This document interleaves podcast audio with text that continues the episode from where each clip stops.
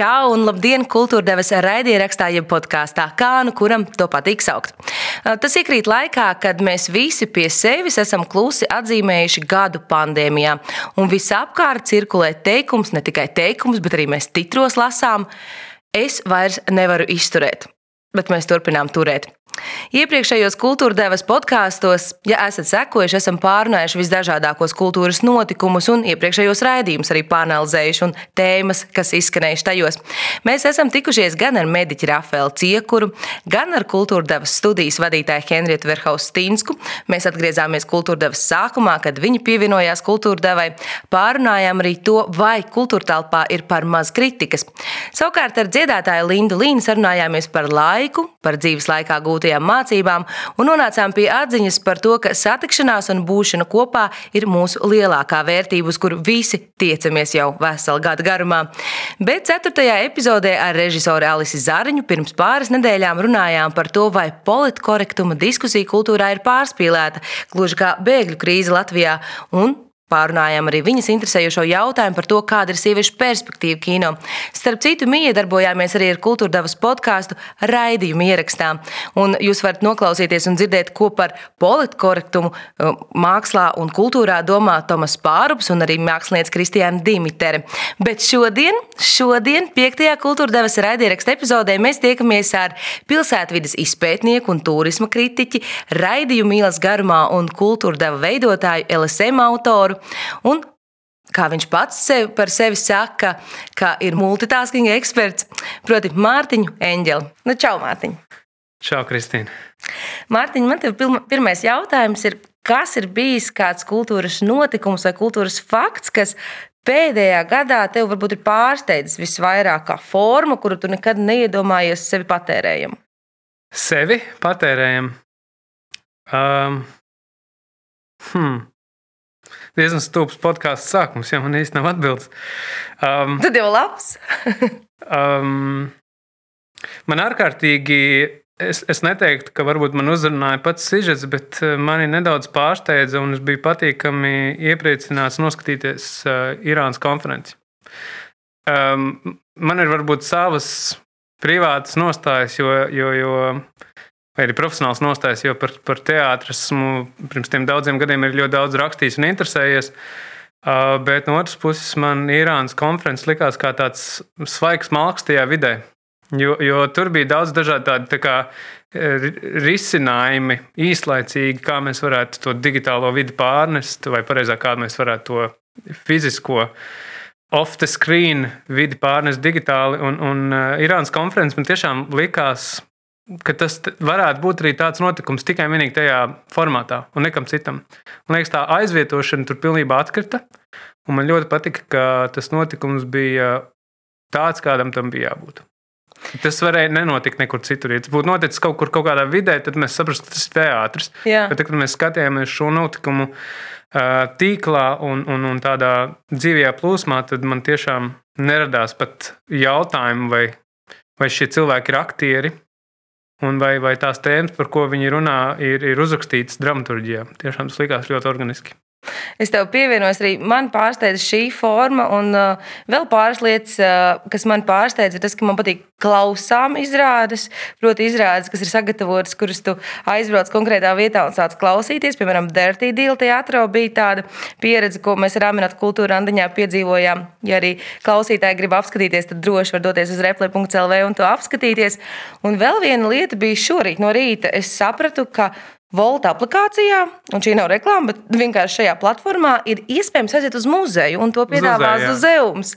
Un, uh, un piedāvā ne tikai aiziet uz Kāds muzeju. Kāds saka, Zuzējums vai Zuzējs? Man ļoti patīk teikt Zuzējs. Es, nu, tagad es varētu sašpikoties no tevis un teikt Zuzējs, bet es saku Zuzējums, jā, man tā kaut kā tā ir. Jo mēs ejam nevis uz muzejumu, bet uz muzeju, un mēs ejam nevis uz Zuzējumu, Zuzējumu bet uz Zuzēju. Man liekas, tas uzreiz liekas tā, tā mīlīgāk. Zini, tā kā nu, zilonīši bērnībā bija. Zuzīts. Zuzīts. Nu, tā ir. Man gan, grūti, man, man gan grūti ir komentēt eh, ar visām tām citām formām, teiksim, tās klausām izrādes, jo, jo nu, to gadu garumā un, un eh, arī milzīga pateicība Homo Novusam, kas ir, vai arī Homo Alibi kādreiz, kas veda ļoti daudz jaunu formu uz Latviju. Un un, man bija prieks daudzas jaunas formas iepazīt tieši caur viņiem, un klausām izrādes tagad jau tā ir tāda norma. Arī pats varbūt esmu bijis nedaudz kaut kā iesaistīts, bet, bet teiksim, Irānas konferences ierakstījies ar to, ka mums nebija iespēja, nebija pat vajadzība veidot šādas Zoom izrādi. Nē. Nebija vajadzība. Neviens mēs nezinājām, kā, kā rīkoties. Jā, tas viss pagājušajā gadā nokrita tā ļoti pēkšņi, un, un, un pēc tā gada man varbūt kāds jautā, nu, kā jūties? Jā, kā, nu, kā tev bija labs gads vai tev bija slikts gads, man nav jausmas. Tev arī tas titrs apakšā viss apnicis? Nē, es nezinu. Saproti, mana atbilde ir, es nezinu, kā es jūtos. Mm. Parādās, kā citus gadus ir bijis tā, ka man ir bijis baigais noslogojums. Jā, tas strādā kā tāda rūpnīca, un tad, teiksim, ir kaut kāda dzīves posma tajā pašā gadā, kad nekas nenotiek, un tu jūties slikti, kad nekas nenotiek. Un tad tev pajautā, nu, kā tev ir, kā tu jūties, nu, kā nauda ir, darbs ir, grūti dzīvē ar darbu, tāpēc, ka ir pārāk daudz jāstrādā, ir, tad nav ko darīt. Atkal ir. Man liekas, ka mm, tas, ka Kaut kādas jaunas lietas, kas notika pagājušajā gadā, ir pat ļoti interesantas, jo, jo neviens nezināja, kā rīkoties. Nevien, nu, un nav jājūtas slikti, ka mēs nezinām, kā rīkoties. Mums tā nav bijis. Kurš, kurš ir to piedzīvojis? Mūsu vecāki, varbūt Otro pasaules karu. Bet, nu, tā bija cita forma, cits laiks, cits tēmas laikam, un, un, un viss Protams, cits varbūt nesalīdzināms. Es noteikti, es visiem iesaku. Ja jūs nesaprotat, kā jūs jūtaties, tas ir normāli. Neviens nesaprot, kā mēs tagad jūtamies. Mēs tikai retrospektīvā varēsim to apskatīt. Tieši tā, un starp citu, tu tikko tieši arī pieminēji, kultūrdevas studijā viesojās dziedātāja Māra Manholsteina. Viņa bija pie mums studijā, jo grupai astronauti 18 gadi. Tu arī veidoja burvīgu sižetu par to, kā viņi ir pārmainījušies un taisa šo digitālo koncertu sniedz. Uh, ieklausīsimies uh, Māras teiktajā kultūrdevas studijā, kas nedaudz sasauc ar to, par to refleksiju par to, kas tu esi, ko tu dari šajā laikā un vai tā ir pareizā lieta, ko darīt. Saka, lūdzu, godīgi, kāds tev ir bijis šis gads? Godīgi? Godīgi. godīgi nevar, tad jums būs pieeja jālaiž pa visu. Tas ir bijis izaicinoši katrā ziņā. Mm, bet, um, ja es tagad uh, atskatos uz, uz šo visu pagā, pārieto ciklu, tad es gribu teikt, ka viņš ir uh, ārkārtīgi arī pateicības piepildīts par visu, kam ir iziets cauri. Un, uh, par pārdomām, par vērtību sakārtošanu un eh, arī, arī apšaubīšanu, vai jābūt eh, ir uz skatuves. Tad, jo ir jau iemesls, kāpēc mums tiek iedots klusums, vai ne?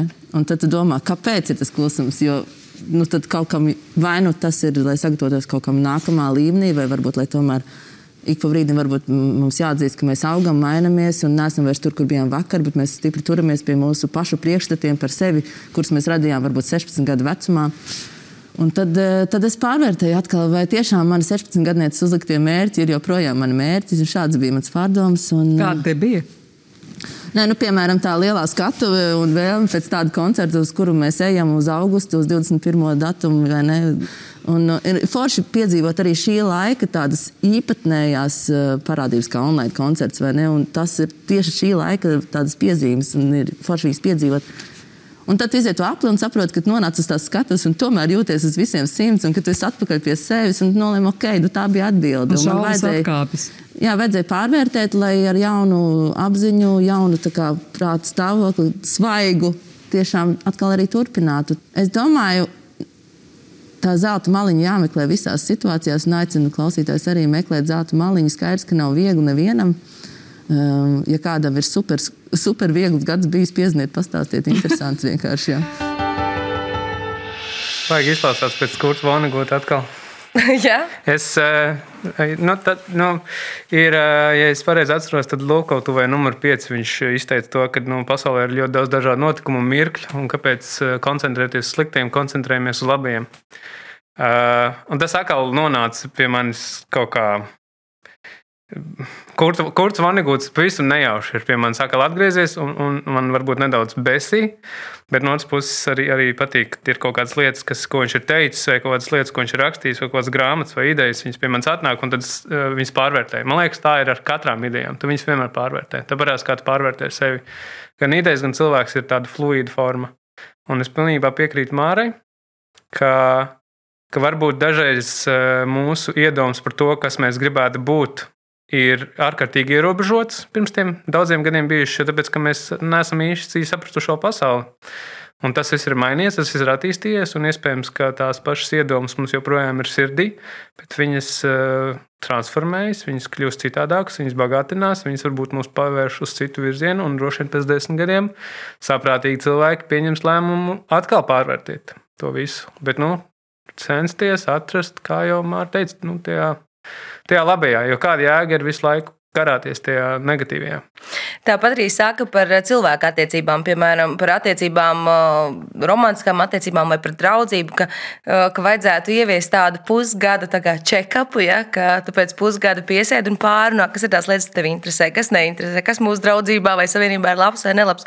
Tā jau mēdz teikt, un tā būtu tāda ideālā pasaule, kurai nevienmēr atrodas laiks un iespēja. Un īstenībā nepieslēdzas tā apziņa un nav tas apzinātais stāvoklis, kurā tu izvērtē šīs lietas. Vai tu, piemēram, Mārtiņa, esi izvērtējis un sapratis, nu, Kas tad tu gribi būt, vai uz ko tu ej, lai būtu pēc pieciem un desmit gadiem? Jo skatoties uz tavu CV un visiem darbiem, ko tu dari, nu, mēs varētu sacensties, jo mēs esam abi pamēģinājuši visdažādākās lietas. Un sacensībai nav pamata, bet uh, tu, tu gan raksti, tu veido video stāstus, tu, tu esi turismu kritiķis, pilsētvidas uh, pētnieks. Vēl nesen uh, iepazinos, un arī podkāstu turpinājumā parunāsim par Eiropas kultūras galvaspilsētām. Tev ir ļoti daudz interešu Bet kas ir, tā, kas ir tā lielā galvenā interese? Ir kāds galapunkts vai pieturpunkts? Es domāju, ka tu nekad man nepārspēsi tajā, ka tu nekad neesi gribējis būt par jūrnieku. Nē. Un tu nekad to neesi studējis profesionāli, lai kļūtu par kuģa kapteini. Nu, es to vēlējos pirms daudziem, daudziem gadiem. Bet es gribēju būt stūrte un arī mēģināt par to kļūt. jā, ok. Arī es varēju. Redzi, tagad tomēr viens viens. mm -hmm. um, redz, akali, Es to īstenībā sapratu tikai pavisam nesen. Uh, un tas atgrieza mani varbūt pie tās bērnības. Ziniet, kā bērni, viņiem tomēr teiksim, nav ļoti daudz dažādu lietu vai rūpju, Un tas atkal ir slikti, jo nu, viņi neiemācās teiksim, uzņemties atbildību par kaut ko. Bet viņiem nav daudz rūpīgi, tāpēc viņi teiksim, nododas kaut kādiem hobijiem vai savām interesēm pilnībā. Nu, tur bērni interesēs par puķiem, par pirātiem, par uh, vecām automašīnām un ceļu LEGO mājas, un, un, un viņi ir tajā visā iekšā. Un, Un tad es uh, par to domāju, ka īstenībā tas jau nemainās. Man liekas, ka cilvēka daba varbūt atrod citus rakursus, par ko interesēties. Un, ja tev kaut kas patīk, tad eh, nav jābaidās no tā, ka tas eh, teiksim, kaut kādā mirklī varētu neapnikt. Varbūt tas apniks, labi, paies desmit gadi, atgriezīsies pie tā. Un pēdējā laikā arī tas pats Kurts Vanigūts ir ierakstījies eh, ar to, ka mm, viņam bija tāda saruna ar, par, par to, ko darīt, kad tu neesi izcils kaut kamā. Ja? Ko darīt, kad tu labi spēlē violi, bet tu nekad nebūsi labs violnieks. Un tad tas viņa uzstādījums bija tāds, ka, nu, un dari to savas prieka pēc. Ja tu esi slikts vilnieks, labi, varbūt nedari to. Jā, neviena prieka pēc, ja tu vienkārši yeah. nodari pasaulē ļaunam ar to. Bet, ja tu, ja tu kaut ko dari labi, varbūt ne izcili, bet tiešām labi, cilvēkiem nav grūti to novērtēt, tad, tad vienkārši dari to sevis pēc. Un, un tā ir es... tava atbilde uz, to, uz, uz tām daudzajām lomām, ja pirkām, ko te var piekarināt. Es domāju, ka es Tev tiešām... patīk visas tās lietas un interesē. Un Protams, man interesē pasaule. Man liekas, pasaule ir brīnišķīga vieta. Tā spēj sniegt mums tik ļoti daudz dažādu piedzīvojumu, pārdzīvojumu. Un, un tad vienā mirklī es saprotu, ka nav slikti vienkārši interesēties, vienkārši kaut ko darīt. Um, Atcaucoties teiksim, uz to, ko Māra teica, jā, es, um, es nebiju aizticis uh, nevienu mūzikas instrumentu kaut kādus desmit gadus. Un tad man kaut kā vienkārši uznāca tāds filmas, un es domāju, labi, es vienkārši atkal atsākšu, atsākšu kaut ko spēlēt. Un, un, Kad vecāki? Uh, ģitāru. Un, uh, un es to spēlēju, un saprotu, man tas sanāk daudz labāk nekā tad, pat nedarot neko desmit gadus. Un es sapratu, ka daļa no tā, ko mēs darām, uh, nāk arī ar kaut kādu citu aspektu briedumu. Nu, mēs, kā mēs redzam pasauli, vai kā mēs teiksim, tā pati ģitāra, kādreiz gribēja baigi gāzt un, un spēlēt akordus, un tagad tas ir tāds rāmāks, mierīgāks un saproti, ka tas viss ir daudz organiskāk. Vai, vai, un tev vairs nav nekas jāpierāda. Man nav nekas jāpierāda. Kāda, ne? Jā, man nav nekas jāpierāda. Un, un, un, un, un es domāju, visas tās lietas, ko mēs esam darījuši, viņas nekur nepazūd. Un viņas atgriežas, bet citās kvalitātēs citās interesēs, vai, vai, vai tā pati žurnālistika, kurā es tagad esmu iepēries pārāk daudz. Un, pirms, pirms tiem 14 gadiem es vispār uzsāku savu neatkarīgā darba karjeru reģionālajā avīzē kā reportieris. Ja? Uh, un, un, un tad es pastrādāju par to, nopirku savu pirmo ģitāru, kur pēc tam man uh, kolēģi salauza. Bet uh, ar to viss sākās. Un tad pēc tam es ļoti daudz sāku rakstīt par kultūru, par teātru, par kino. Uh, un, un, un tad tas viss pārgāja teiksim, ar teritoriju tekstu, un tad es strādāju septiņus gadus rādījā, un tad atkal tas viss pārgāja kaut kur citur, un, un tagad esmu televīzijā. Un man liekas, ka. Likumsakarīgi kaut kāda. Nu, būtībā, nu, jā, nu, reģ, reģionālās avīzes reportiera amats vienkārši šo gadu laikā apauga ar ļoti daudz ko citu, daudz zināšanām, un, un tas iespējams nostiprināja vienkārši to manu vēlmi turpināt strādāt tajā stāstradē. Es tā varbūt teiktu. Jā, tu labi pateici stāstrāde, jo redzi, tu radi stāstus gan redzījumā ielas garumā, gan arī kultūra devām. Gan arī rakstu LSM, gan arī rakstu LSM, gan arī rakstu kreatīvu muzeumam, gan arī rakstu blogu. Nākamo. Jā. Jā. Man bija kaut kādā 14. Nu, es esmu tajā visā, tāpat kā podkāstos. Es podkāstus pazīstu jau, jau 11 gadus, un tāpēc arī man bija bloks. Tā, bija tāds brīnišķīgs notikums Latvijas online vidē ar nosaukumu Club, jeb Sviesta ciba.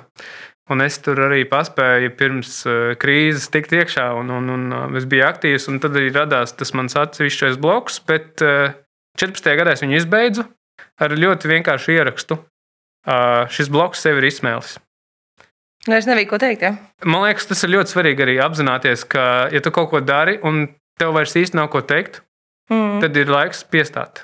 Un tāpat kā būtu, ja es nāktu te un negribētu ar tevi runāt, man vienkārši būtu jāatnāk parunāties un jāizdara tas darbs. Tas Jā. var būt līdzīgi, ja man nebūtu šī patiesā interese. Bet mans jautājums tev bija par to, kā atšķiras stāstrāde raidījuma mīlas garumā un, un, un, un kultūra devā, kur mēs strādājam kopā arī kā kolēģi. Es domāju, ka īstenībā diezgan krāsas atšķirības. Viens no tiem ir sagatavošanās process, ka ielas garumā es varu izpētīt, sagatavot, jo ielas garumas Ielas garuma sižets. Ielas garumas.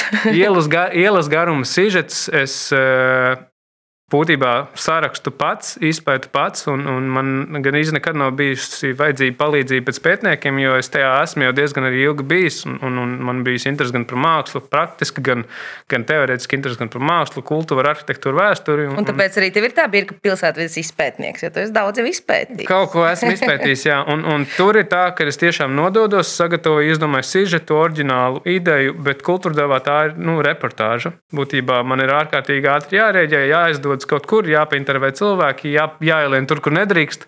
Vēl vairāk nekā ielas garumā. Tomēr. Un, un, un ar to arī viss beidzas. Un, un, uh, bet tā atšķirība ir tāda, ka it kā ielas garumā tik ļoti daudz neaizņem uh, telpas manā galvā. Jo ielas garumā es tā lēnām, tur to pāris nedēļu laikā sagatavoju to sižetu. Tas ir faktoloģisks tāds process, kurā viss ir skaidrs, ka ir, ir, ir, šis, ir šis rāmis. Nu, ne? pirmkārt, arī es uzrakstu scenāriju. Būtībā ielas garumā sižetiem vienmēr ir scenārijs. Vai tā ir lapa, vai tās ir divas lapas, ko es saku, kādas ir plūdums. Un tad, teiksim, Linda man ļoti labi palīdz ar, ar, ar, ar vizuālo, vi, jā, Linda Venberga ar, ar vizuālo, ar, ar papildu saturu un, un, un, un piekruģē. Bet uh, kultūra dāvā ir tā, ka nekas netiek uzrakstīts, un tad man ir jāizdomā, ko es kā darīšu, jau jāizplāno, teiksim, nu, ja man neatbild šādi, vai ko es varētu. Tad ļaušanās vairāk. Nu, improvizācija, Jā. kas arī man nav sveša. Jā, arī es, uh, tad, kad tā improvizācija nāca modē pirms 15 gadiem, varbūt 16 gadiem, 17, bija tas teātris sports tad arī man sanāca būt diezgan daudz tajā visā iekšā. Un, un, un, Un, un tas ļoti palīdzēja jā, saprast to, ka nav būtībā bezizējas situācijas. Ka tu vienmēr vari, teiksim, runājot, iziet no tā visa, to mums ļoti labi piemāca arī politika. tā ir. Bet redziet, mēs sākām runāt par eh, ielas garumā, un ielas garumā ir raidījums, eh, kuru skat, mēs skatāmies tad, kad mēs tiešām vēlamies izzināt kādu konkrētu ielas stāstu, jautājumu, likteņu stāstu vai vēl, vēl, vēl kaut ko. Un, um, es uzdūros eh, pēdējiem ielas garumā raidījumam, kurā es runāju par metro, un tu teici, ka no visa ir izējas, bet redz, izējas nebija no tā, ka jautājumi par metro. Mēs aprakām, nevis mēs aprakām, bet aprakām drīzāk mūsu vecāku paudzi. Un es gribu ar tevi noklausīties vienu fragment no, no, no tava sižeta par to, kāpēc Rīgā nav metro un kā tad izbeidzās metro. Izrādās, ka pilsētas kanāla vēsture ir cieši saistīta ar Rīgā neuzbūvētā metro centrālo staciju, kurai ieeja būtu lūk šeit. Metro!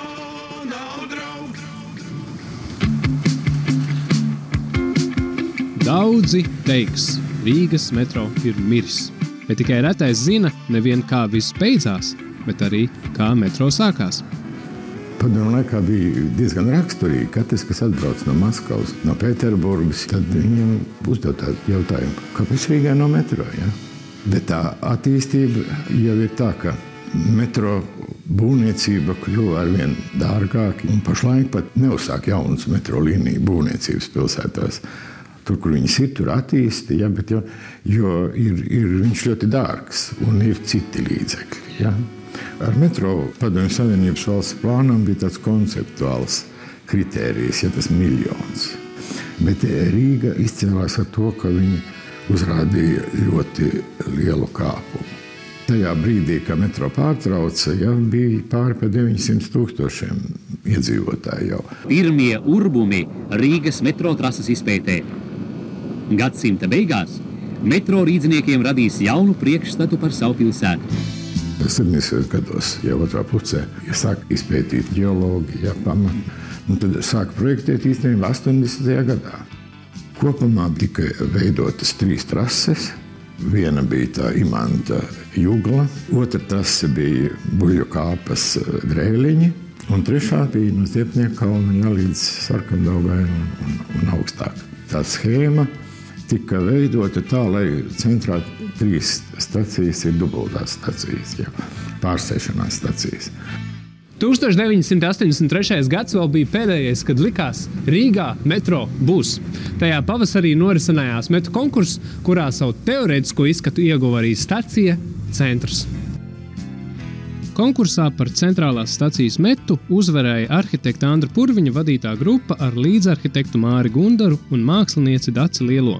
No centrālā stācijā mums liekas, ka tā, ka tā ir pirmā Rīgas viesu iepazīšanās ar mūsu pilsētu. Tādēļ kāds viņam šis pirmais vizuālais iespējas būs, tas diezgan noturīgs un tāds paliekošs. Tāpēc mums bija tā doma, ka viņu vajadzētu radīt tādu bagātu savā formu valodā, arī krāsu valodā, tā ietverot arī iekšā Rīgas arhitektūras jau vēstures elementus. Tomēr 88. gadā jau bija skaidrs, ka metro plānošana ir pārāk gausi, un beidzot arī sabiedrībai ir ko teikt. Mēs protestējam pret metro! Tajā laikā tas bija atmodas laiks, unikāls laiks, un tur tā interešu prioritāte bija cita, pavisam cita un spēcīgāka.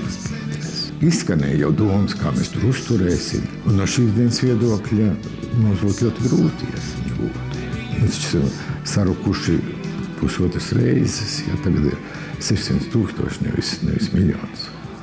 Mums jau nebija tajā sākumā, kad 90. gadi mums bija ļoti grūti ekonomiski. Tur nekas nevarēja notikt, mums nebūtu, nebūtu līdzekļu.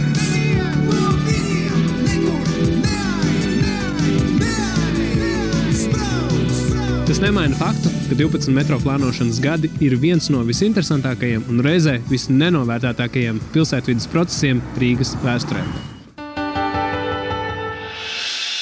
Tāds stāsts par metro. Mazs ieskats aicinu jūs doties uz LSM.CLV vai arī replē.CLV, meklēt rādījumu ielas garumā vai arī Facebookā. Visdažādākajās vietās jūs varat atrast šo stāstu. Noteikti noskatieties un padalieties arī ar saviem draugiem. Mārtiņ, pilsētvide un pārmaiņas tajā ir viens no jautājumiem, kuru tu apskati gan, gan tāpēc, ka tev citi lūdz apskatīt, gan tāpēc, ka tā ir tava dabīgā interese. Un viens no tādiem pēdējiem rakstiem, kurus es lasīju, kurus tu rakstīji priekš šķiet LSM portāla, bija par to, ka notiek šī kultūras eh, notikumu rajonu decentralizācija, eh, jeb šī pareizāk noteikti pateiksi par to, ka tiek attīstīti eh, rajoni Rīgā līdz ar kultūras notikumu palīdzību, kas varbūt nav pārāk simpātiski bijuši pēdējos gados. Mēs runājam par Točku, Sarkanu Daugavā, mēs runājam, labi, Kalnciem ielas kvartāls vairs neskaitās, bet arī Tālīnas ielas kvartāls un tā tālāk. No kurienes tev šī interese un kāda ir tā pasaules pieredze pilsētu attīstībā tieši šajos, nu, tā kā nepārāk simpātiskajos rajonos, kā lai nosauc. Droši vien tur ir jāiet atpakaļ tajā laika rāmī, kā vispār radās tā saskarsme ar apkaimēm. Un 9. gadā es sāku strādāt alternatīvā turisma jomā, tad vadīt tūris Un alternatīvas tādā ziņā, nu, ka mēs to darījām citādāk, kaut kā mēģinājām citādāk pasniegt stāstus, vai arī mēģinājām atrast citus rakursus, un, un viens no tiem rakursiem bija apkaimes. Un, un, un, uh, tur bija gan velotūras, gan, gan pastaiga tūris, tur bija gan Agenskalns, gan Maskačka, gan centrs, kurš īstenībā nebija klusais centrs, bet centrs, centrs avot apkaimes un, un, un grīziņkalns un tā tālāk. Nu, būtībā lēnām izkliedējāmies. Un, un arvien vairāk dodoties iekšā šajās apkaimēs, sapratu, ka tur ir pilnīgi viss, kas varētu būt interesējoši mums Gan kā vietējiem turistiem, gan kā ārzemju turistiem. Tur ir gan vēsture, tur ir gan kultūra, tur ir gan cilvēki, kas, manuprāt, ir galvenais apskates objekts pilsētā. Vienmēr ir bijis un būs. Tur ir gan, um, gan arhitektūra, būtībā pilnīgi viss. Tikai tas nu, nav apvīts ar kaut kādu brīnišķīgu leģendu. Ko, nu, paldies gan vairāk Padomju Savienībai, kad 70. gados tika izveidoti tie maršruti, no, no kuriem mēs neesam tikuši galā būtībā, vaļā būtībā. Uh -huh. Un, Un tad es sāku ar vairāk strādāt, un vairāk interesēties, un man pašam sanāca dzīvot tur, šur un viskaut kur. Un, un tad pēc gadiem es nonācu pie sava maģistra, kas bija starptautisko turismu pasākumu menedžmentā. Un, un uh, man maģistra tēma likās, ka ļoti organiski varētu būt par apkaimēm. Un tad es, tā kā tas ir pasākums, es paņēmu kā savu gadījumu studiju Rīgas svētkus. Un Rīgas svētkus gadu garumā, es sapratu, ka eh, būtībā gadu garumā ir bijusi tāda diskreditācija, ir bijusi tāda ārkārtīgi uh, nopietna apkaimju izolēšana. Jo viss, kas vienmēr ir noticis Rīgas svētkos, ir bijis tikai vienīgi tiešām nu, tajā kā, centrā. centrā. Nu, eh, kā, Man patīk tomēr minēt to, nu, viņš tāds jaukts termins, gan antropoloģisks, gan pilsētvidas, gan turisma termins, kas ir tie uh, varas un, un, un um, varas un naudas centri. Nu, kas ir, kur, kur ir teiksim, valsts iestādes, kur vienmēr atgrozās bagātie cilvēki, un tad arī būtībā mēs par to runājam. Gan tā ir vecrīga vai klusais centrs, mēs neapzināti saprotam, ka tas ir tas, kur mēs vedam turistus, un tas ir tas, kur mums liekas, tā ir tā turistu vērtība. Un tas viss sagāja kopā, man liekas, negodīgi. Man liekas, ka ir jārunā par apkaimēm kā ārkārtīgi um, pašpietiekamiem punktiem, kur, ja mēs ieguldam naudu, enerģiju un kultūru, mēs varam uh, pārvērst viņus tiešām ārkārtīgi, kā brīnišķīgi, ārk brīnišķīgas, ārkārtīgi, ārkārtīgi skaistas vietas un interesantas vietas, kur kaut kas notiek.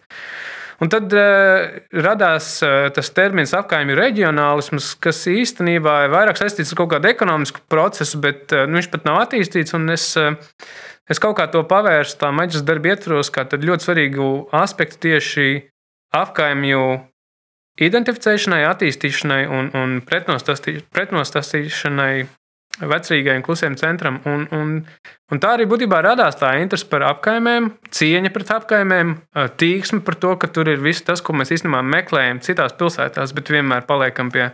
sarkanā laukuma, ja, Maskavā. Bet Maskava ir daudz kas cits. Un, un līdz ar to. Mm, Bet kā tev liekas, kāpēc, nu, kāpēc, kāpēc, kāpēc, kāpēc mēs pie tā esam nonākuši tikai tagad? Jo šķiet, nezinu, braucām uz Parīzi vai uz Vāciju jau pirms desmit gadiem un, un meklējām šos interesantos, nu, sauksim vienalga, kā tos hipstrīgos mākslinieku un vēl vis kaut kādas rajonus, grafitī rajonus, ielas un tā tālāk. Bet Rīgā mēs par to tiešām runājam tikai pēdējos gados, un šo tendenci izteiktāk manā izpratnē veicināja Kalncīm ielas kvartāls, kurš uzsprāga būtībā iesaustas tas gads atpakaļ. Un tad nu, tālāk ir sekojuši ar kādiem, nu, kuriem panākumiem ir sekojuši citi citi Rīgas rajoni un vietas. Kas, kas traucē? Kāpēc, kāpēc netiek attīstīta tā turisma, jeb cilvēku plūsma, vai trūks naudas, trūks pilsētas iesaistas tajā intereses? Man liekas, iemesli ir daudz un dažādi. Viens no tiem iemesliem arī tomēr, ka mēs dzīvojam mazliet citā vidē. Mēs esam postpadomju sabiedrība. Un uh, mums ir pagājuši šie 30 gadi, kas, teiksim, daudzām citām valstīm, vecajā Eiropā, bija tāds kā luksus prece. Ja, ka viņi pēc otrā pasaules kara varēja padzīvot tos 30 gadus un tad veidot savas revolūcijas, attīstīt pilsētas uz labo vai slikto pusi. Mēs to būtībā piedzīvojam tikai tagad. Um, tas varbūt ir viens iemesls, kāpēc mums tā aizkave. Otrs iemesls ir, ka daudz cilvēku ir beidzot redzējuši pasauli Un viņi saprot, ka var dzīvot labāk un ka var dzīvot cieņpilnāk. Un, un, un, un daudz cilvēku ir piedzīvojuši arī um, ekonomisko krīzi. Un pēc ekonomiskās krīzes mēs redzējām to downshift procesu. Nezinu, varbūt kā to izskaidrot latviešu, bet, bet tas process ir tāds, ka mēs attiecīgi, lai samazinātu izmaksas vai samazinātu enerģiju, ko mēs izgāžam, lai kaut kur nokļūtu un lai kaut kur atgrieztos tikai darba dēļ.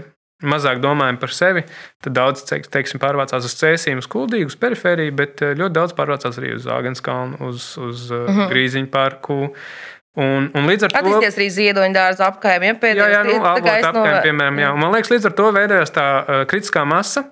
Uh, kritiskā masa ar cilvēkiem, kas uh, sanāca kopā un saprata, ka uh, mums ir vajadzīga apkaimē biedrība. Mums ir cilvēki, Pārsvarā viņi bija radoši cilvēki, vai praktiski cilvēki, vai cilvēki ar jaunām idejām. Viņi vēlējās veidot kaut kādu kopienu. Un līdz ar to veidojās kopienas, un līdz ar to ar kopienu veidošanās veidojās arī identitāte. Vai būtībā atgriezās identitāte, un viņi tika atgriezta. Un, man liekas, tās ir dažādas ķēdes reakcijas, kas pie tā mhm. nonāk. Es tev nevaru izskaidrot podkāstā visu. Es domāju, ka tu to nevēlēsies. Bet, bet, es to vēlētos, bet es domāju, ka mēs varētu ierakstīt vēl kādu podkāstu pēc kāda laika jā, un parunāt par šiem. Gadiem, jā.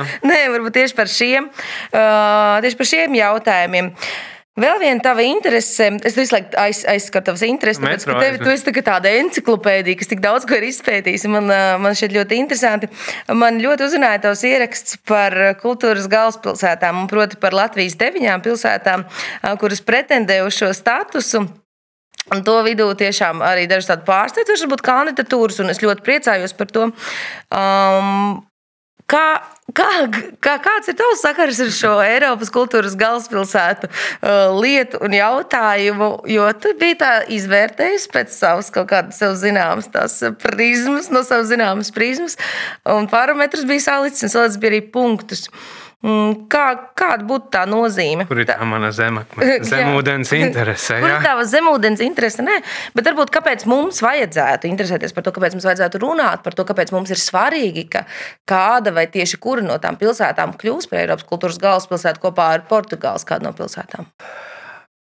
27. gadā pieminēšu. Ja, ja teiksim, eh, man tikko bija viens tas, tas posts par to izvērtēšanu. Pēdējo pēc trīs mēnešiem. Pirmais bija pirms trīs mēnešiem, tagad ir nākamais. Un, un es droši vien būtu atbildējis kaut kā citādāk, ja ne.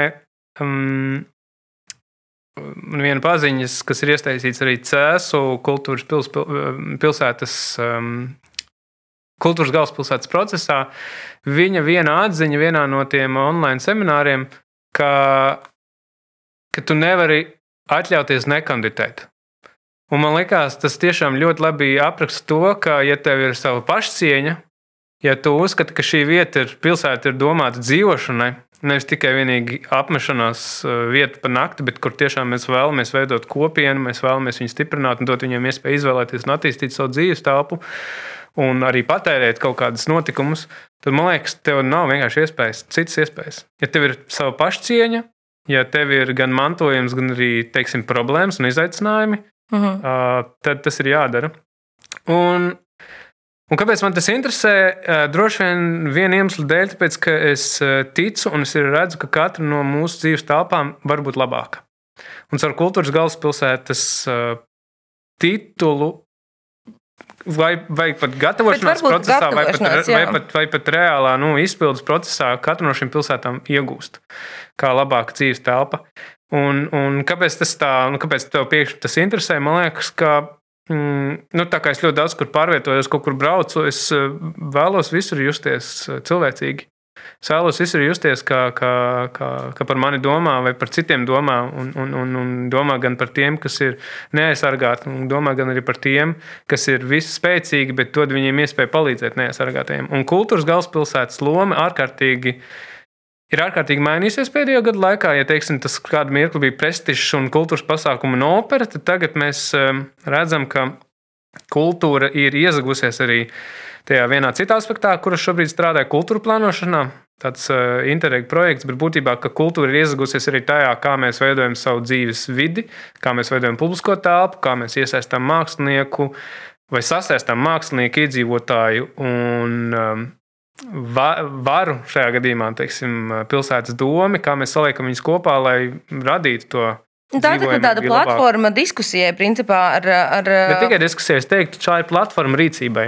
Rīcībai, bet jo... arī stratēģijai, kas, manuprāt, jo es esmu nedaudz papētījis šo jautājumu, jo kāda pilsēta bija man uzrunājusi, lai es pievienojos un palīdzu uh, viņiem uh, radīt šo lielo plānu, Netflix, stratēģiju un, uh, un, un, un Slepena informācija. Slepena informācija. Un tāpēc es arī ļoti nu, padziļināti painteresējos par to visu. Un, zinu, ko es secināju? Es secināju to, ka pilsētām Latvijā trūks stratēģijas, trūks stratēģijas ilgtermiņā, ja mēs runājam par attīstību, ja mēs runājam par kaut kādu savstarpējo rajonu uh, integrāciju, kultūras un vietu integrāciju kaut kādā kopējā tajā plūsmā un katlā, kas būtu atšķitināms, izvērtējums, un kur mēs saprastu, kur mēs dodamies. Jo katras vēlēšanas, pašvaldību vēlēšanas, kas ar skolu tuvojas, vai ne? E, Tomēr to deķi rauj katrs savu pusi, un šīs ilgtermiņa stratēģijas, protams, viņas ar laiku ir jāmaina, tās mainās, bet trūks tā tādas, nu, tā kā tas skaidrs, tas maršruts, nu, tā kā, ka mēs ejam uz turieni vai turieni. Un tāpēc, man, manuprāt, tieši šī kandidēšana un došanās, šī virzība pretī Eiropas kultūras galvaspilsētai, kaut vai konkurence iekšējā Latvijai starp pilsētām, ir ārkārtīgi veselīga. Es domāju, ka es būšu vēl ķetri, ķetrīgāks un es teikšu, ka katram no mums trūkst stratēģijas. Katram no mums, kā individuālajai personai, trūkst tā plāna, kā mēs kaut ko gribam redzēt. Mēs visu neredzam. Noteikti mēs neredzējām arī Covid, bet mēs ieplānojam kaut kādas lietas vai, vai nodrošināmies kaut kādām lietām, kļūstam pielāgoties spējīgāki.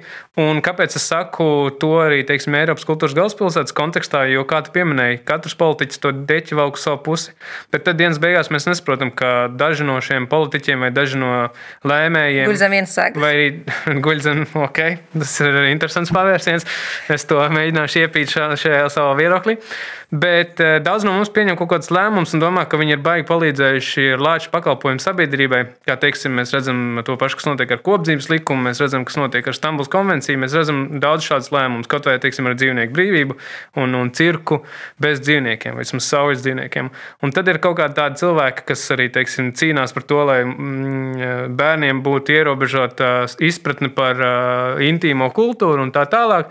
Un tad nu, viņi ir lielie varoņi, tad nu, viņi ir teiksim, nu, tie, tie lēmēji. Bet dienas, beigās, bet dienas beigās izrādās, ka viņi vienkārši ir bijuši idioti, vai arī tieši otrādi dienas beigās izrādās, ka viņi ir tikai vilkuši to deķi uz savu pusi līdz nākamajām vēlēšanām. Un nākamajās vēlēšanās mēs redzam, ka deķis jau tomēr virzās uz to, lai katram no mums būtu um, brīvība, katram no mums būtu iespēja dzīvot dzīvi, kā mēs vēlamies. Un agrāk vai vēlāk mēs nonākam pie tā paša, pret ko šie cilvēki cīnījušies. Bet sava laika dēļ, vai, vai nu, tajā savā brīdī, viņi vismaz vēlas pateikt to, ka nu, mēs esam darījuši visu, ko mēs varējām. Bet ir ļoti grūti, Mārtiņ, zaudēt savu kaut kādu ideoloģisko to, Protams. to va- nezinu, val- valkošo vagonu, uz kuru tu esi sēdējis ilgus gadus, un tu nevari momentāni no viņa atkāpties. Un otrkārt, ir daudz dažādas vērtības un viedokļi, un arī konservatīvi cilvēki. Kuri tiešām eksistē ne tikai dēļ politiskas pārliecības, bet vispār. Un, un, un tas konservatīvisms varbūt reizēm ir veselīgs, manuprāt, arī. Jo viņš kā tev nu, ilg, ilgāk nedaudz notur un neļauj aizrauties līdzi katram nākošajam virpulim un Kaut kādam balansam ir jābūt, protams. Jā. Kaut kādam balansam ir jābūt, bet lūk, tāpēc es teicu, ka mums pietrūkst stratēģijas, jo stratēģijas būtība ir redzēt, skatīties tālēnē. Ja? Mēs varam būt konservatīvi līdz mirklim, vai mēs varam būt piesardzīgi līdz mirklim, kad mēs saprotam, ka kaut kādā punktā mums būs jāpieņem lēmums, lai, teiksim, lēmums, kas pat nav labvēlīgs mūsu nostājai. Ja, kā tā pati Māra teica, ja, kad vienā mirklī viņa teica, varbūt tas nav skatu viņai nav. Ja, mēs katrs pienākam pie tāda punkta, ka, ka mēs pārvērtējam to, kas mēs esam bijuši. Tas nav nekas slikts. Tas ir ļoti vēlami. Un iespējams, mēs kaut ko paturam, kaut ko paņemam, bet mēs tomēr ejam, man liekas, uz tādu atvērtāku, laipnāku, līdzjūtīgāku sabiedrību. Un, ja kaut kādā mirklī, nav svarīgi, kam tu tici, bet ja kaut kādā mirklī tu pamani, ka tavai ideoloģijai vai tavā ticībā trūkst šīs laipnības, trūkst šīs iecietības, Jā. trūkst cilvēcisku vērtību, kas par, par, par, par spīti ideoloģijām, reliģijām vai, vai politikai mūs visus vieno kā cilvēciskas būtnes, tad man nav svarīgi, vai tas ir konservatīvs vai tas ir liberāls punkts. Man liekas, ka tas ir nu, nepareizs punkts. Es kaut kad arī biju aizdomājusies pirms kāda laika par, par tieši šo jautājumu, un arī padalījos ar tādu ļoti naivu ierakstu savā Facebookā. Man nenormāli vienu vakaru uznāca tāda sajūta, ka man dikti gribētos, lai mēs būtu viens pret otru laipnāki un iejūtīgāki, un mēs pasmaidītu ar acīm. Nu, teiksim, nu, tāda fiziska vēlēšanās, ka, ka tik daudz tās viedokļu sadursmes, tik daudz visa tāda to negācija, jo mēs jau varam diskutēt, mūsu viedokļi var atšķirties visdažādākajos jautājum, jautājumos. Bet runājot vēl par jautājumiem. grūti, ziniet, apskauties pēdējā gada laikā. Vat Nu, drausmīgi grūti. Jā, mēs te sēžam, mēs neko, mēs neko nevaram. Sēžam caur Man, man maskām. liekas, interesanti, ka daži teica, nu, te pavasarī jau gaida to mirkli, kad o, viss beigsies apskaušos. Bet mēs neapskāvāmies. Vasarā mēs varējām tur tusēt, Jā. darījām, ko gribējām. Bet Varbūt mēs būsim jau aizmirsuši, varbūt mēs būsim aizmirsuši, bet no otras puses, varbūt mēs uh, Būs bail pieskarties. apskausimies ar acīm. Ja? Jā. latvieši. Un Runājot par apskaušanos ar acīm, tur redzi, mēs neviļus esam nonākuši. Redzi, man bija stratēģija šim podkāstam. Mēs esam neviļus nonākuši pie skatlogiem, pie stāsta par skatlogiem. Burvīgi stāsts, ko sagatavoja man kolēģis Sandra Kiršberga, un viņi to sagatavoja par godu tam, ka kultūra devas studijā viesojās mākslinieks Kristiāna Dimitera un ā, kultūras apskatnieks Tomas Pārups.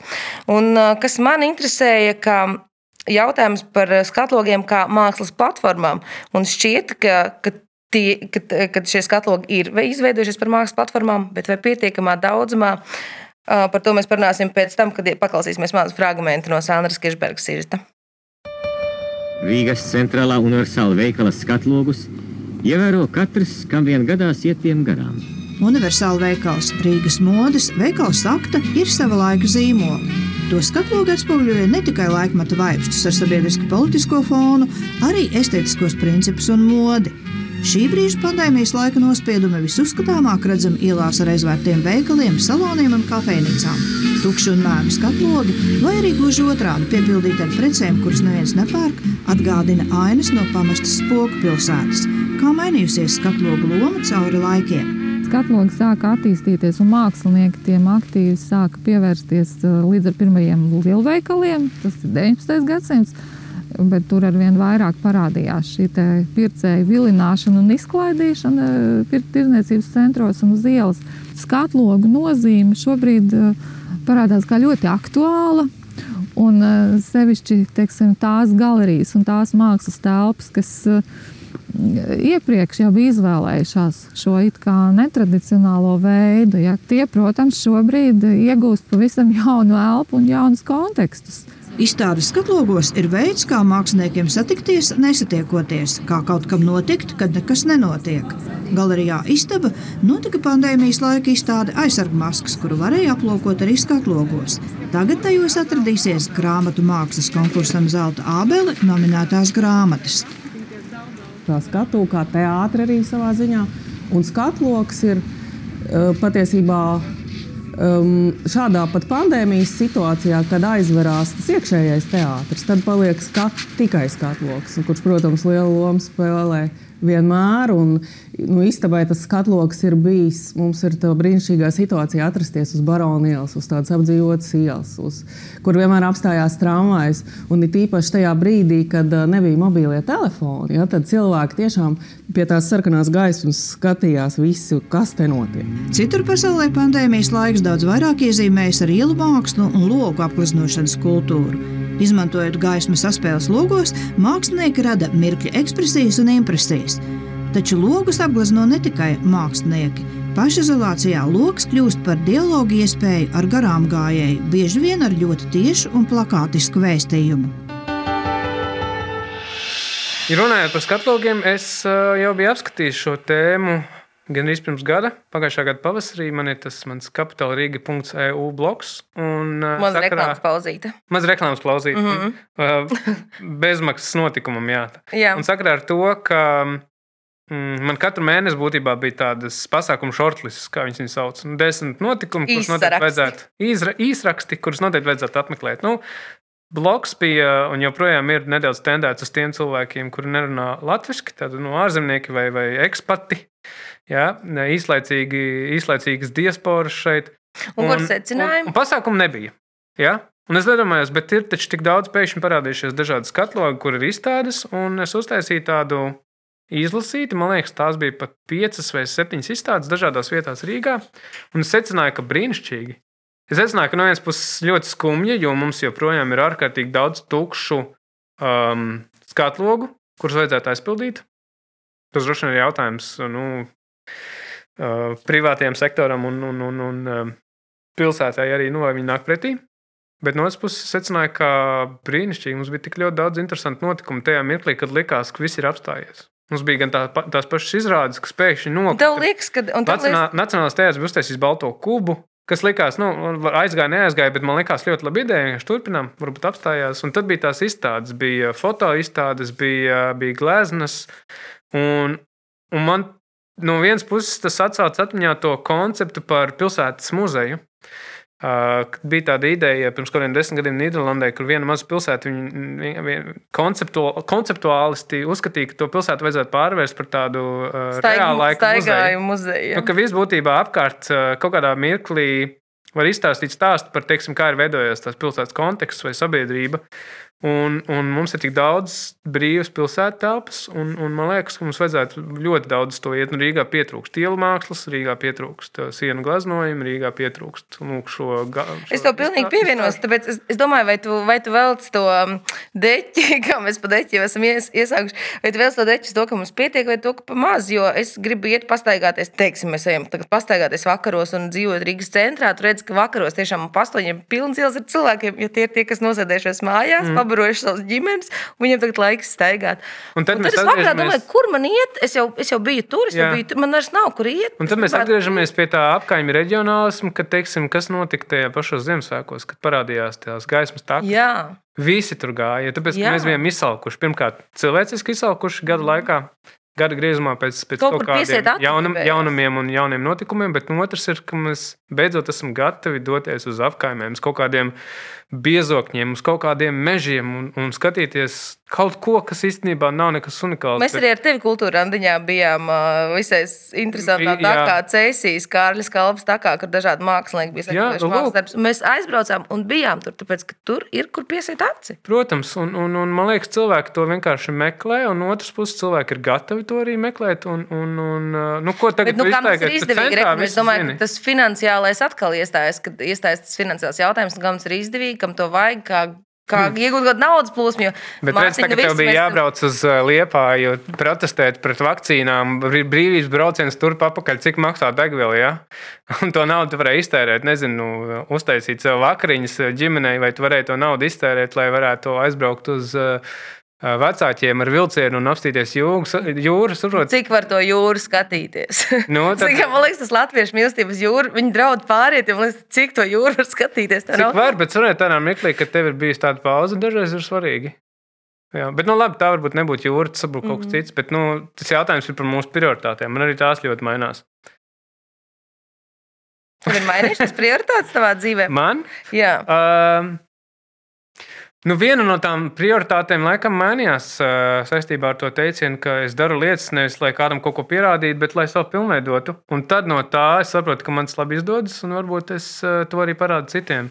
Bet kad prioritāte vairs nav pazīmēties ar to, ka esmu kaut kāds Wikipīdija gājējs. Man liekas, Bet tu esi Wikipīdijā. Tu esi tāds Jā, varbūt, Wikipīdijā jā. gājis. Man esi. bija, bija tas uh, vienā Tu šodien tikai pieminēji Vonegūtu, bet uh, tu varēji pieminēt vēl desmit. Jā, Andri Kalnozola, man liekas. o, mēs pieminam to pilnīgi katrā Es kultūras ļoti gribu podkāstā. viņu pieminēt. Visur tas runāja. Nu. Lai kā būtu, viņš varētu būt jebkurš dzimums, jā, bet, bet tā grāmata ir, man liekas, viena no brīnišķīgākajām, kā es to teicu, viena no skaistākajām, interesantākajām, patiesākajām, reizē skumjākajām grāmatām, ko es lasīju. Es tev pilnīgi pievienojos, bet tu esi dzirdējis iepriekšējos kultūras podkāstus vai raidījumrakstus. Nu, līdz beigām. nu, es jūtam- noklausījos līdz pēdējām minūtēm. Droši vien jau, ka nē, tas notiek pēdējās minūtēs. notiek pēdējās minūtēs? Es tā kā vilku jau uz to, kad mēs pietuvamies beigām, vēl daži jautājumi. Bet mēs ir. jūtam to Un- rezonanci. Un tu pats aizgāji uz to, jā, jā dabīgums, kaut kāds īstums, tāda neordināra, neordināra Bet skatība. kas ir pats svarīgākais, man liekas, tas, kas atkal atgriežas pie mums, ir, ka, ja tu kaut ko dari, tad tomēr tajā iedziļinies. Un, un Andris ļoti daudz ir izpētījis gan katru no tēliem. Viņš nav vienkārši iz- izfantazējis, ka nu, viņš tāds būs. Bet viņš ļoti vēlējās, lai tas būtu patiesi organisks tēls. un Viņš daudz ir arī strādājis, veidojis tos uh, savus pierakstus. Un, un to var just. To var just, kad grāmata ir uzrakstīta no sirds, nevis tāpēc, ka viņi ir uzrakstīti, ja tev ir kaut kas jāpārdod. Mūsu iepriekšējais eh, kultūrdevas raidījums bija raidījums, kurā viesos bija arī aktieris Jānis Skanis un režisors un aktieris Valdis Lūriņš, kuri šogad nosvinējuši savu 70. jubilejas. Un Man, redzot, arī esot ierakstā tur uz vietas un skatoties uz viņiem, šķita, ka nu, tas personības, tā, tā harizma, jeb tā eh, nevēdība, tas um, dēkain, dē, dēkainums, lai arī apaudzis ar pieredzi, vēl joprojām ir dikti šarmants. Kas tev ir palicis varbūt atmiņā no pēdējām kultūra devām, ko tu esi redzējis?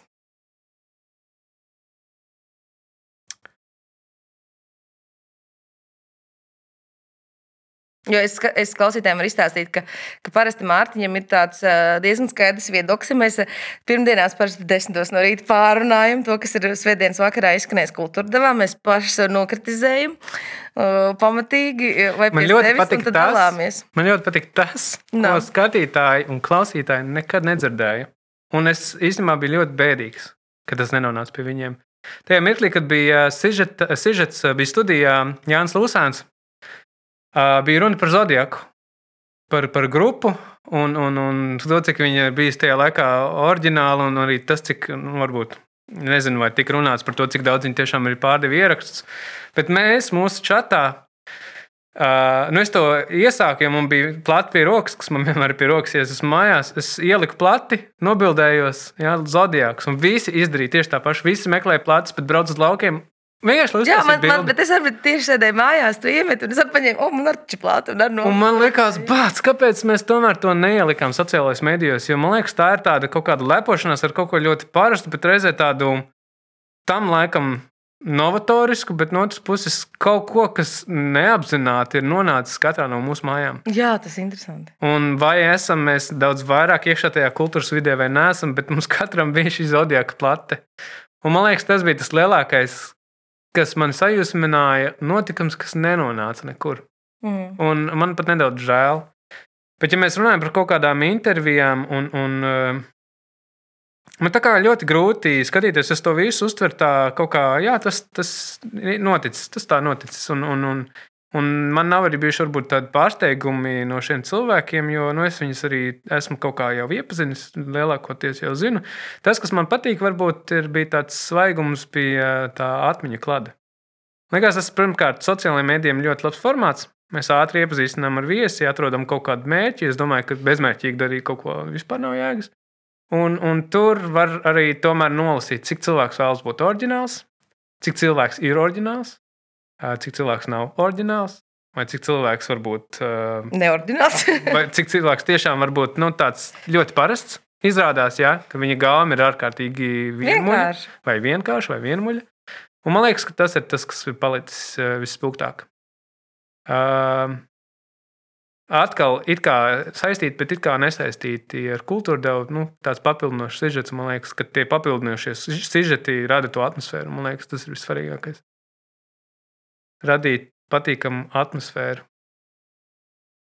Tāds ir mūsu arī šī raidieraksta podkāstu uzdevums radīt varbūt patīkamu atmosfēru, varbūt radīt vai rosināt jūsos jaunas pārdomas vai, vai vēlmi diskutēt savā starpā par kaut kādiem jautājumiem. Nu, pie šī podkāsta dušā es nevienam neiesakiet. Nē, nu, dušā varbūt nevajag iet, bet par ko es priecāšos, priecāšos, ja jūs spiedīsiet follow, jeb sekot, saglabāsiet šo podkāstu jūsu uh, favorītos un padalīsieties ar to savu, saviem draugiem. Un, ja esat ja dzirdējuši kaut ko vērtīgu, spiediesiet laiku, tad es pēc gada atgriezīšos. Jā, jūs spiediesiet laiku. Un, un varbūt esat dzirdējuši kā, kaut ko vērtīgu, tad priecāšos par jūsu komentāriem. Vienalga, Twitterī Facebookā vai jebkur citur. Nu, kaut kā tā, man sauc Kristīna Kamarovska. Mēs šodien sarunājāmies ar um, multitasking speciālistu. Daudz dažādākajos jautājumos. Daudz dari. Tas bija tāds, jā, kad, kad es uh, ieslīgu tādā lielā problemātikā, to, kā definēt sevi. Tad, uh, Man, tā kā es arī lasīju un rakstīju, man likās ļoti interesanti apstrādāt vārdus, un tad es radīju tādu vārdu daudzdaris cilvēks, kurš ir nevis multitaskers vai, vai multi-instrumentālists, bet tās bija tiešām jomas, kas ir nesvienojams. Nu, tur, teiksim, turists var, un žurnālisti. Tad var sacensties arī ar, ar mūsu uh, pašreizējo prezidentu. Viņam arī izdodas ļoti labi radīt gan jaunas vārdus, gan jaunas citātus. es gribētu būt prezidentu vispār. Es domāju, tā, ka tas varētu Tur būt. Tur mēs atkal varēsim konkurēt. Tad es varētu būt kultūra devā kā prezidents. Pat liekas, tas varētu būt jaunākais prezidents. Bet vienkārši tas varētu būt kultūrdevs prezidents. Tas varētu būt kultūrdevs prezidents. Vēstnieks. Jā. Vēstnesis tā pareizi. Nu redz, mēs ejam uz galvu. Paldies, ka klausījāties. Čau, Mārtiņ. Čau, tā.